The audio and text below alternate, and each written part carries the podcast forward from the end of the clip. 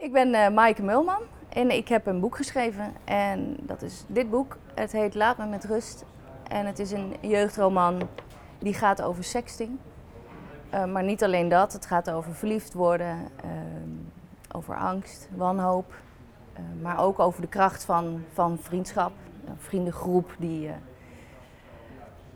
die opkomt hè, voor, voor het, het slachtoffer in dit geval.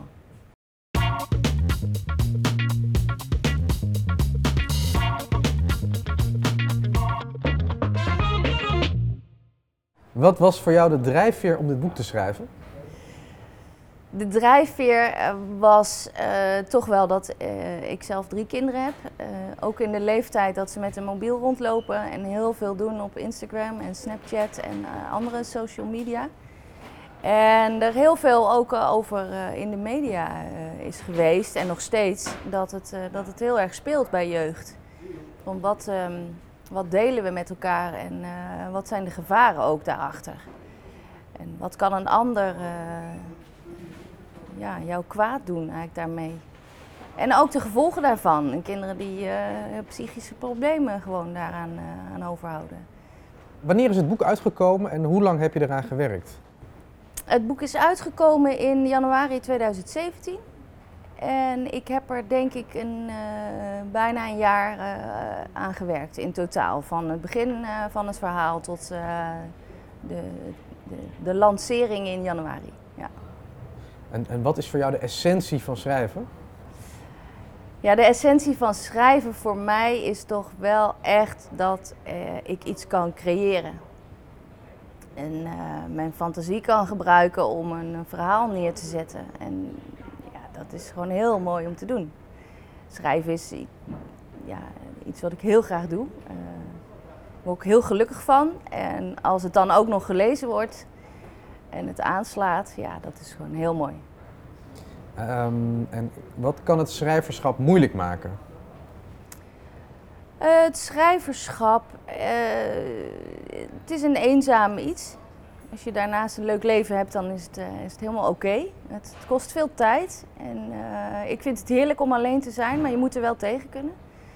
En um, het is ook wel hard werken. Het is niet zo dat het alleen maar uh, romantisch met een pen en papier zitten in een hutje op de hei. Het is gewoon meters maken, hard werken en zorgen dat er, dat er iets, dat er uiteindelijk ook een verhaal komt. Um, een eigen boek uitgeven, hoe, hoe heb je dat eigenlijk ervaren? Ik heb vorig jaar wel contact gehad met een uitgever. Ik had ik het ook naar opgestuurd. Die uh, waren eigenlijk hartstikke enthousiast. En uh, nou ja, als een redacteur het in één ruk uitleest, dan zegt dat ook wel iets. Dus daarmee was ook voor mij wel een beetje bevestiging van, nou, oh, ik ben wel op zich wel goed bezig. En um, Uiteindelijk gingen ze niet met mij in zee, omdat er een andere schrijver al in hun fonds zit die een beetje in hetzelfde genre schrijft. Um, en dat was eigenlijk het, keerpunt dat ik dacht, nou dan ga ik het zelf doen. Het leuke daarvan is dat je het helemaal in eigen hand hebt. Ik kan helemaal van A tot Z zelf bepalen um, hoe het eruit ziet en uh, uh, ja, hoe, hoe het eindresultaat wordt. Um, maar je, je moet ontzettend veel leren als je dat voor de eerste keer doet. Want er komt heel veel bij kijken van een ISBN-nummer tot uh, uh, hoe, uh, zit het binnenwerk helemaal in elkaar, hoe, hoe, krijg je dat recht, wie doet, wie doet dat voor je, het omslag moet er mooi uitzien. Dus ontzettend veel geleerd het afgelopen half jaar, zeg maar. En, wanneer ben je begonnen met de promotie? Ik ben begonnen, het is in januari uitgekomen, ik ben denk ik begin december begonnen met de promotie. En uh, dat is wel relatief laat. Maar daar kom je pas achter als je daadwerkelijk hebt, uh, hebt gepubliceerd. Um, ja, toen heb ik een website gemaakt, een Facebookpagina aangemaakt, een auteurspagina. Uh, heel veel vrienden, kennissen, familie op de hoogte gebracht. Um, dus ja, ik denk een week of zes voordat de echte lancering van het boek er was. En had je ook echt een PR-strategie? Nee. Nee. Ik had geen uh, PR-strategie en dat was misschien wel handig geweest. Dat zou ik een volgende keer uh, wel wat handiger aanpakken, denk ik. Welke promotiemiddelen heb je ingezet en wat zijn je ervaringen daarmee? Nou ja, pro- eh, promotiemiddelen. ehm, eh, ik heb dus een eigen eh, eh, website. Ik heb eh, die, die, die Facebookpagina die ik al noemde. En ik eh, heb mijn boek eh, neergelegd, eh, heel, heel lokaal eigenlijk. Ik ben heel lokaal begonnen. Gewoon in de stad, bij de lokale boekhandel. Die willen het best voor jou in de winkel leggen.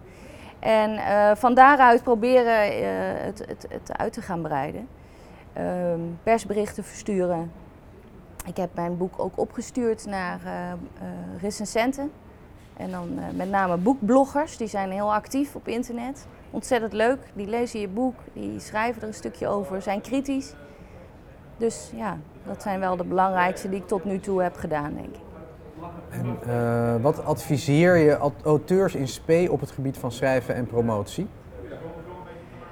Nou, op het gebied van schrijven zou ik adviseren: doe eh, precies je ding zoals jij dat wil doen.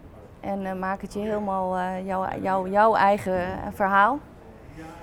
En op het gebied van promotie en, en, en, en eventueel uitgeven, ehm, ja, vind ik heel belangrijk: zorg dat je kwaliteit levert.